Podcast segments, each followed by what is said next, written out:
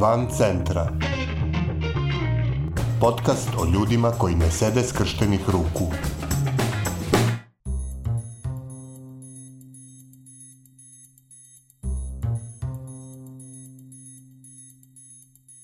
Ovo je 113. epizoda podcasta Van centra, koji prati napore ljudi iz cele Srbije da poboljšaju kvalitet života u svojim sredinama.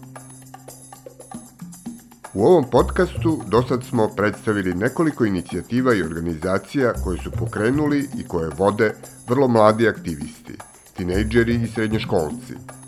Svojim angažmanom i entuzijazmom oni su dokazali da su spremni da preuzmu teret odgovornosti i da organizuju zahtevne akcije kao i odrasli. Jedna od takvih zanimljivih inicijativa dolazi od grupe beogradskih srednjoškolaca koji su rešili da urade nešto kako bi omogućili svojim vršnjacima da predstave svoje umetničko stvaralaštvo, pa su tako pokrenuli događaj koji su nazvali Prepad festival. Za samo godinu i po svog dosadašnjeg postojanja, Prepad festival je privukao pažnju nekih značajnih institucija kulture, pa je ove jeseni uvršćen i u program Oktobarskog salona.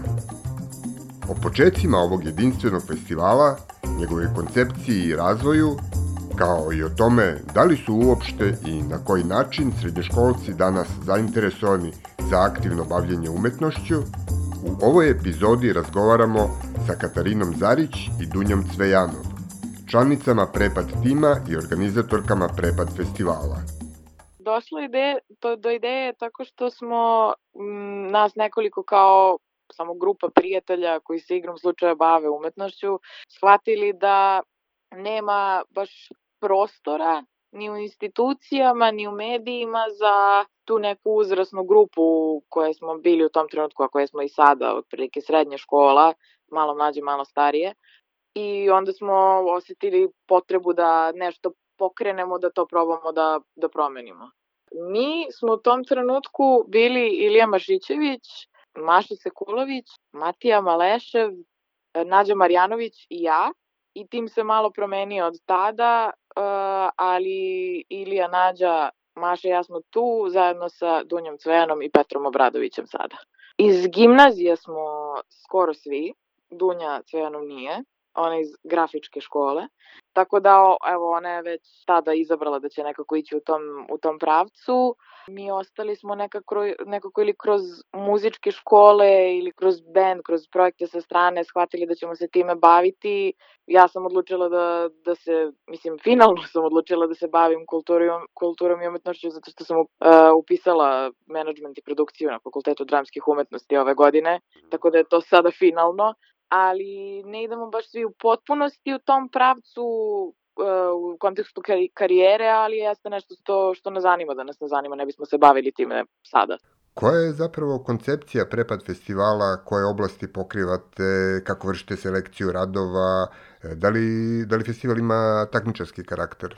Prvo nije bilo konkursa, tako da smo mi od početka imali te muzičke nastupe, bili su izložbe likovnih umetnosti, fotografije pa probali smo da imamo tu neku poeziju koja nije baš ni uspela i pored toga su bili filmovi, jeste. Ali tek na tom prekladu koji je bio, ovaj, koji se odmah posle prepada desio u februaru, ako se ne varam, smo uveli taj konkurs jer smatramo da preko konkursa možemo da dođemo do šire publike jer to ne treba da ostane kao mi zovemo naše drugare i to je neki naš poznat krug ljudi, već i sam prepad treba da bude prilika drugim umetnicima da oni ili počnu da stvaraju ili da ih motivišemo da izlože svoje radove ili da usavrše to nešto što imaju. Tako da kroz sam konkurs nije to neko takmičarski karakter, nikad to nama nije bilo uopšte neki, neki cilj da se ljudi tu takmiče nego više kao da ih kao podsticaj da se oni počnu nešto da rade ako do sad nisu, jer znaju da imaju tih mesec dana. Imali smo ljudi, znamo mi par drugara koji su počeli konkretno pišu poeziju baš zbog konkursa, pre toga nikad nisu, ništa nisu pisali. Tako da je to sam konkurs čisto da bi mi mogli da ospemo do ljudi širom Srbije, da bude ta malo decentralizacija koja nam je jako bitna, da ne bude sve samo od ljudi iz Beograda, što smo i uspeli da dođemo do ljudi van ovaj, Beograda, što smo i kroz prehlad i sad prepad smo imali ljudi širom Srbije. kako biramo, mislim, mi se trudimo da to bude što objektivnije, jer niko nas nema toliko ove iskustva, ali se konsultujemo naravno i sa ljudima koji su u toj branši i sa nekim našim drugarima koji su se bave likovnim umetnostima, poezijom i sve to, koji su preučestvovali i ko će time da se bave kao, ovaj, kroz ceo život. Teško je izabrati, pogotovo kad je poezija u pitanju, ali se eto stvarno trudimo da to bude i što kvalitetnije i što raznovrstnije, da ono pokrijemo stvarno sve aspekte što se, što se toga tiče. E, dakle, vi ste uveli i zimsku verziju Prepad festivala koja se zove Prehlad. Zašto dva put godišnje i da li ima neke razlike u koncepciji između prepada i prehlada? Što se tiče prehlad, prepad, to je ovaj sam naziv, eto čisto da se poigram malo sa rečima, da ima neke promene kao zimska edicija, ali smo baš hteli da ga, da ga održimo dva puta godišnje, da bi to izašlo iz granice kao samog festivala, jer nama svakako nije, nije za cilj da to ostane samo u formi festivala, već za vremenom to proste u neku zajednicu umetnika, jer prvobitno neke ideje i line pre nego što je sam prepad zaživao je da bude to neki prostor za umetnike, pošto i naši kulturni centri ne rade toliko tačnije, mi ne znamo da ima neki adekvatan program, ali na kraju kraju, pošto smo još mali, ne možemo baš da izvedemo da imamo neki prostor, ali da bi nekako postojao taj neki kontinuitet i da bi ljudi nastavili da rade i da se okupljaju, smo smatrali da je super da bude dva puta godišnje, jer eto, do sad smo uspešno izveli to da bude dva puta godišnje, nadamo se da ćemo i sada u planu, ali to je čisto da bi to nekako bilo konstantno i da bi neko se ljudi navikli da ima i da znaju da uvek imaju za šta da rade, da ih uvek to čeka kroz koji mesec i da prosto nikad to ne zamre, nego pošto prosto ni mi to nećemo do doveka organizovati, jer ipak naša ciljna grupa je 14 do 19 i kad mi izađemo iz tih nekih okvirnih granica, neće imati smisla da mi to organizujemo, pa zato sad što više može, nekako da dok smo još u punom gasu. I... Kako uopšte izgleda ta produkcija koja vam stigne? Koja oblast je najzastupljenija? E, da li možda mogu da se izvuku neke zajedničke stilske ili tematske karakteristike za radove koje ste prezentovali? Pa ne mogu da se izvuku u potpunosti, ali ima, ima nekih zajedničkih tačaka i za sve umetnosti i za svaku za, za sebe posebno mu neke određene te kao osobine mu daje to što, što su stvarno ljudi iz te uzrasne grupe, a ne znam, mislim, realno to je period života kad su to osjećanja užasno intenzivna, sve užasno intenzivno, ja mislim da se to stvarno i osjeća, osjeća u toj umetnosti. A do sada, iz dosadašnjeg iskustva tih konkursa je poezija zapravo bila najzastupljenija, na, najviše tih prijava bilo, što je nas jako iznenadilo, naročito tad u februaru ove godine kad smo prvi put raspisali konkurs. Nismo se plašili da ponovo nećemo uspeti, uspeti da izvedemo taj deo programa, čak i ako smo želeli. I onda nam je samo stiglo toliko prijava da nismo znali šta ćemo sa njima i mnogo nam je trebalo vremena da prođemo. Bilo je dosta i ljubavnih momenta, što je logično, ali i mnogo kritika, ne mogu kažem ni kre, direktno kritika vlasti, nego prosto uh, osjeća, kao ja sam makar kroz, kroz tu silnu poeziju osetila neku vrstu klaustrofobije uh, koju imamo od života u Srbiji. Baš je, baš je dosta bilo toga i vrlo kroz, kroz neke grafičke opise od krvi i kostiju do sličnih stvari, vrlo, tako, to mi baš ostavilo utisak, ba, baš je bilo jakih osjećanja, posebno oko ljubavi i oko kao države i sveta u kome živimo. Mislim, to sad zvuči oko depresivno kad kažemo, nisu svi radovi tako depresivni, ali jeste to neko osjećanje frustracije koje preovladavaju, što je logično i za period naš životni, a i za period u kome živimo svi zajedno, rekla bih. Pa, ko su zapravo autori i, i ko vam je publika? Ko dolazi na vaša dešavanja? Ko, koja vrsta ljudi zapravo? Da li su to neki ono prosečni ili su to neki sad ne znam posebno talentovani ili nešto ekstrovertni ili introvertni? Što se publike tiče stvarno, stvarno varira. A što se umetnika tiče, da su oni, mislim, i po stereotipu koji se ipak ispostavlja kao tačan, jesu više ekscentrični i baš idu od ekstrema do ekstrema, dok je publika naravno, to je ta ista neka uzrasna grupa i uglavnom ljudi koji se ili bave umetnošću, ali ne izlažu na, na tom konkretnom festivalu, ili su prosto tako senzibilisani i orijentisani. Događalo nam se da dolaze i roditelji izlagača i izvođača, ali i drugi da kažem, stariji, stariji ljudi u odnosu na našu, e, našu tu ciljnu grupu njihovi utisci su čini mi se bili dobri, koliko smo uspeli da dobijemo feedback, ali uglavnom je to samo, samo izgleda kao jedno veliko kupljanje mislim, srednjoškolaca, zato što stvarno smo nekako, nekako smo sa, sa obe strane i svi smo tu nekako isti. Mi koji radimo organizaciju i umetnici koji izlažu, izvode svoju umetnost i ljudi koji se pojave da tome prisustuju. Svi smo nekako tu i na istom. E sad, e, za mlade se često misli da su nezainteresovani e, ne samo za bavljanje umetnošću, nego i za bavljanje bilo čime. Šta vi imate da kažete o tome? Ono što mi želimo da je utvrdimo, tačnije da pokažemo kroz prepod je koliko su zapravo mladi željni da rade i koliko rade, samo nemaju prilike to da pokažu. Zato je i sam festival nastoji za želje, za nekim prostorom i nekim dešavanjima, baš to za neke mlade ove srednje školce, to smo ove često provlačili kroz ovakve vrste intervjua i podcasta, da je problem što se ili to u osnovnoj školi daje prilike kroz neke konkurse likovne preko škola, da se izlaži ili tek na fakultetu neki ozbiljniji radovi koji se radi što se tiče umetnosti i, i akademija ovi, muzičkih i sve to da baš nekako za tu neku srednju školu tu smo, ali kao da nismo i nema baš prilika, a mladi rade, a to sve ostaje u četiri zida i onda smo zato otvorili konkurs da bi mi videli, sagledali realnu sliku koliko ljudi se za šta interesuje. Eto i za poeziju koja ko bi rekao da će nama pristići, pa ja sigurno mislim jedno između 40 i 50 prijava za poeziju, to je bio neki nenormalno velik broj, mislim to je glavna priča da mladi ne čitaju, da mlade to više ne interesuje, a onda se vidi da zapravo i toliko pišu, da ih toliko interesuje.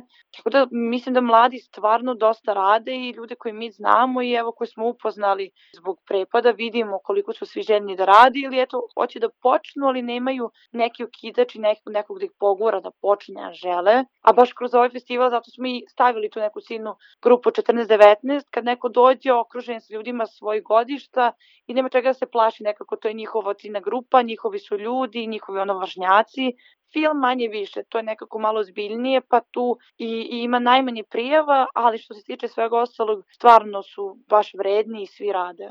Kad je bio prvi Prepad festival i kako to izgledalo kad ste se prihvatili organizacije tog prvog festivala? Koliko ste imali organizacijonog iskustva u tom početku i kako ste se snašli i podelili posao? Prvi Prepad festival je bio početkom juna 2021. godine. I pošto u tom trenutku mi imamo 15-16 godina, nemamo nikakvo organizacijono iskustvo. To je, vrlo je bila hvatična organizacija. Sad već pravimo se makar da znamo šta radimo, ali tad to nije baš imalo neku strukturu, jer smo svi nekako... Na glavačke upali u to, nismo znali odakle da krenemo. U trenutku kad se formirao taj neki tim, smo imali bukvalno, ja mislim, dve ili tri nedelje do, do zakazanog datuma do zakazanih datuma. Napravili smo neku podelu ko šta radi prvenstveno po tim e, kao kategorijama, odnosno tipovima umetnosti po sobstvenom senzibilitetu. Tako nam je bilo najlakše jer neki od nas su bili više senzibilisani ka filmu, neki ka muzici i slično i onda smo shvatili da ćemo bolje organizovati nešto što bolje razumemo. Što je jedino bilo, ja mislim, i logično u celom tom procesu. Sve ostalo je bilo juri vamo, juri namo, gde ćemo da nađemo ovo, gde ćemo da nađemo ono. I imali smo sreću što smo radili u Kulturnom centru Beograda gde su nam puno pomogli da nam je Ana Nedeljković prvenstveno em omogućila to da radimo, em pomogla ja mislim da je financijski to je bilo i najmanje parča i najmanje bilo značajno ono, bez, bez njenog mentorstva i nadzora ne bismo mogli u smislu, u smislu podrške toga da, da se mi međusobno ne raspadnemo i ne izgubimo motivaciju, ali stvarno je bio haotičan potpuno, potpuno taj proces. Mislim da je dosta toga i bilo do entuzijazma samih učesnika, jer to, to nas je nekako motivisalo. Pitanje je da li bismo izgurali to da, da nije bilo toliko ljudi koji, koji toliko željno iščekuju da, da nešto svoje izlože prvi put. To je ono zbog čega to u stvari radimo i to je ono što nas je finalno motivisalo, ali stvarno, stvarno je bilo jako haotično. Ko vam je još pomogao od odraslih i od institucija? Tu ću izvojiti i Katarinu koja radi u Kulturnom centru Beograda isto. Ona nam je, kad je bio prehlad, isto mnogo pomogla i stvarno je ona je ovaj, baš uticala na tu, na tu realizaciju prehlada dosta.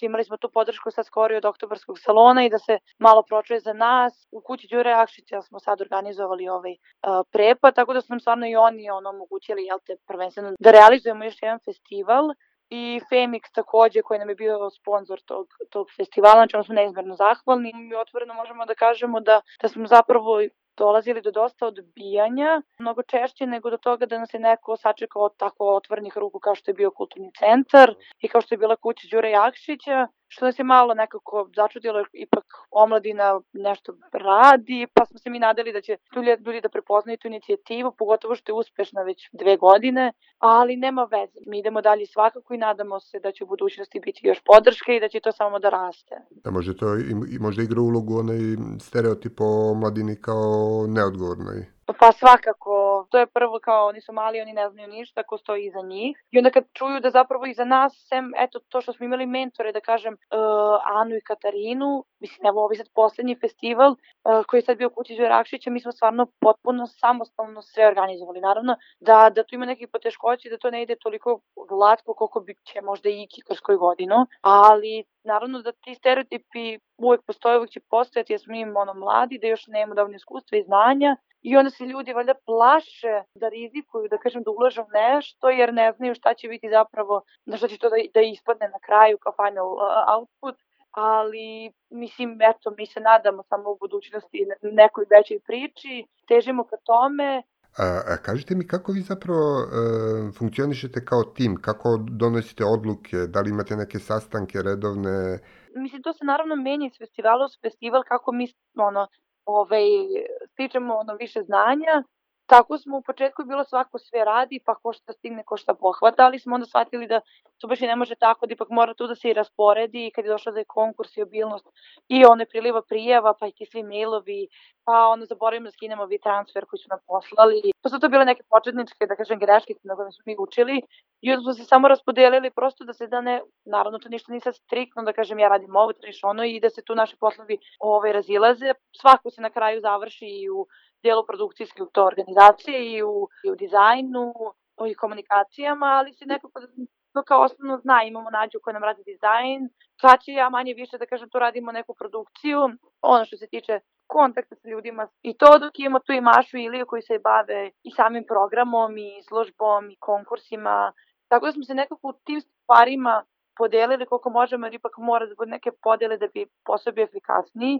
i to mora da budu svakodnevni sastanci. To čim se završi jedan festival, tu odmah ide sastanak za drugi, da li Zoom, da li uživo, i onda kako ima ideje, nekako to je sve otvoreno, ali na kraju krajeva, mislim, to je ono čime mi hoćemo i da se bavimo i što nas sve zanima, rekli ste da vam je decentralizacija posebno važna stvar, pa me sad zanima kako komunicirate sa drugim sredinama u Srbiji, da li još negde postoji nešto slično, da li vi planirate neke turneje i promociju e, festivala i, i radova koji su pristigli u drugim gradovima? Naglasili smo to kao bitnu stavku, samo što ne uspevamo da realizujemo to baš na nivou koji bismo voleli, ali do sada je to funkcionisalo tako što kada otvorimo konkurs bilo koji iz bilo kog dela Srbije može da se prijavi.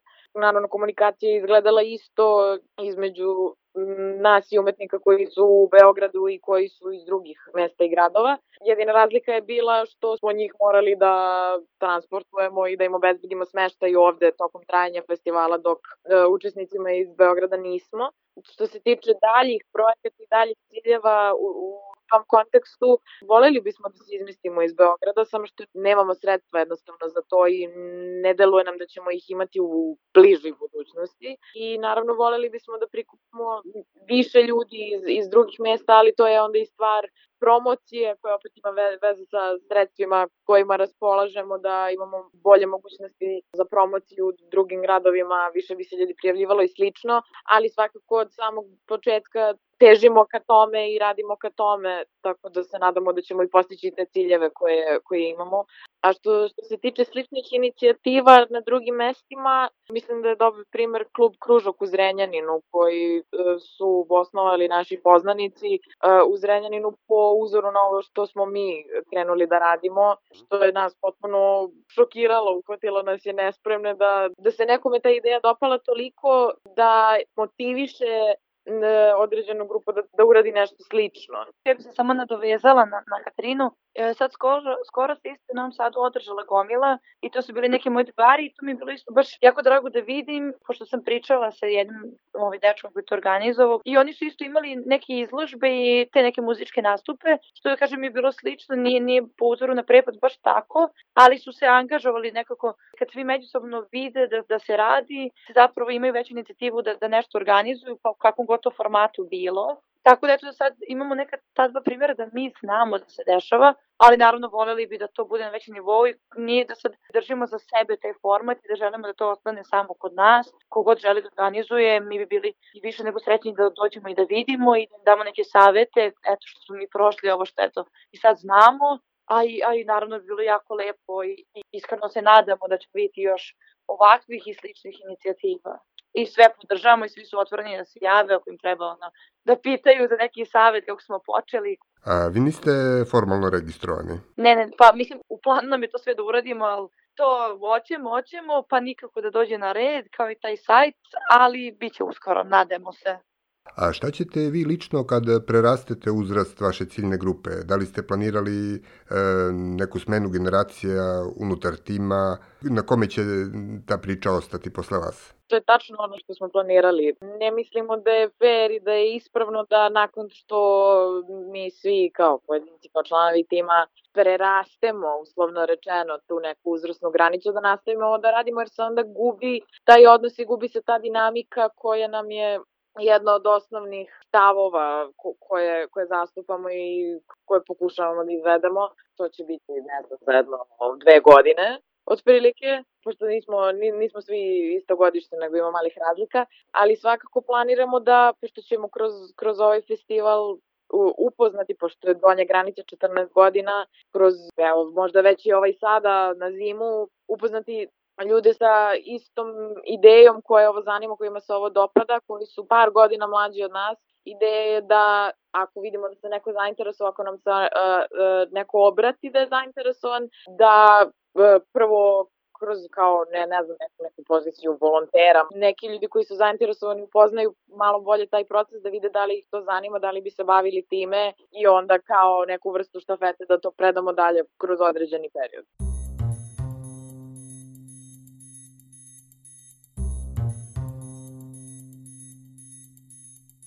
Bila je ovo epizoda Van Centra za 21. decembar 2022. godine.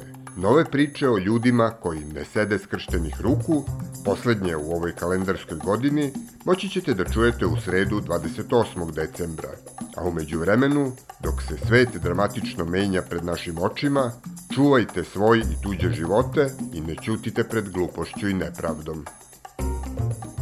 Van centra je autorski podcast koji se realizuje uz podršku građanskih inicijativa. Stavovi izneti u emisiji nisu nužno stavovi redakcije podcasta Van centra, niti udruženja građanske inicijative. Redakcija Katarina Đukić, Miodrag Mrkšić i Aleksandar Gubaš. Urednik i voditelj Aleksandar Gubaš. Muzika i Logical Beat i Ben Sound.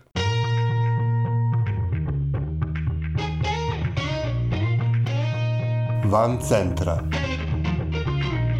Podcast o ljudima koji ne sede skrštenih ruku.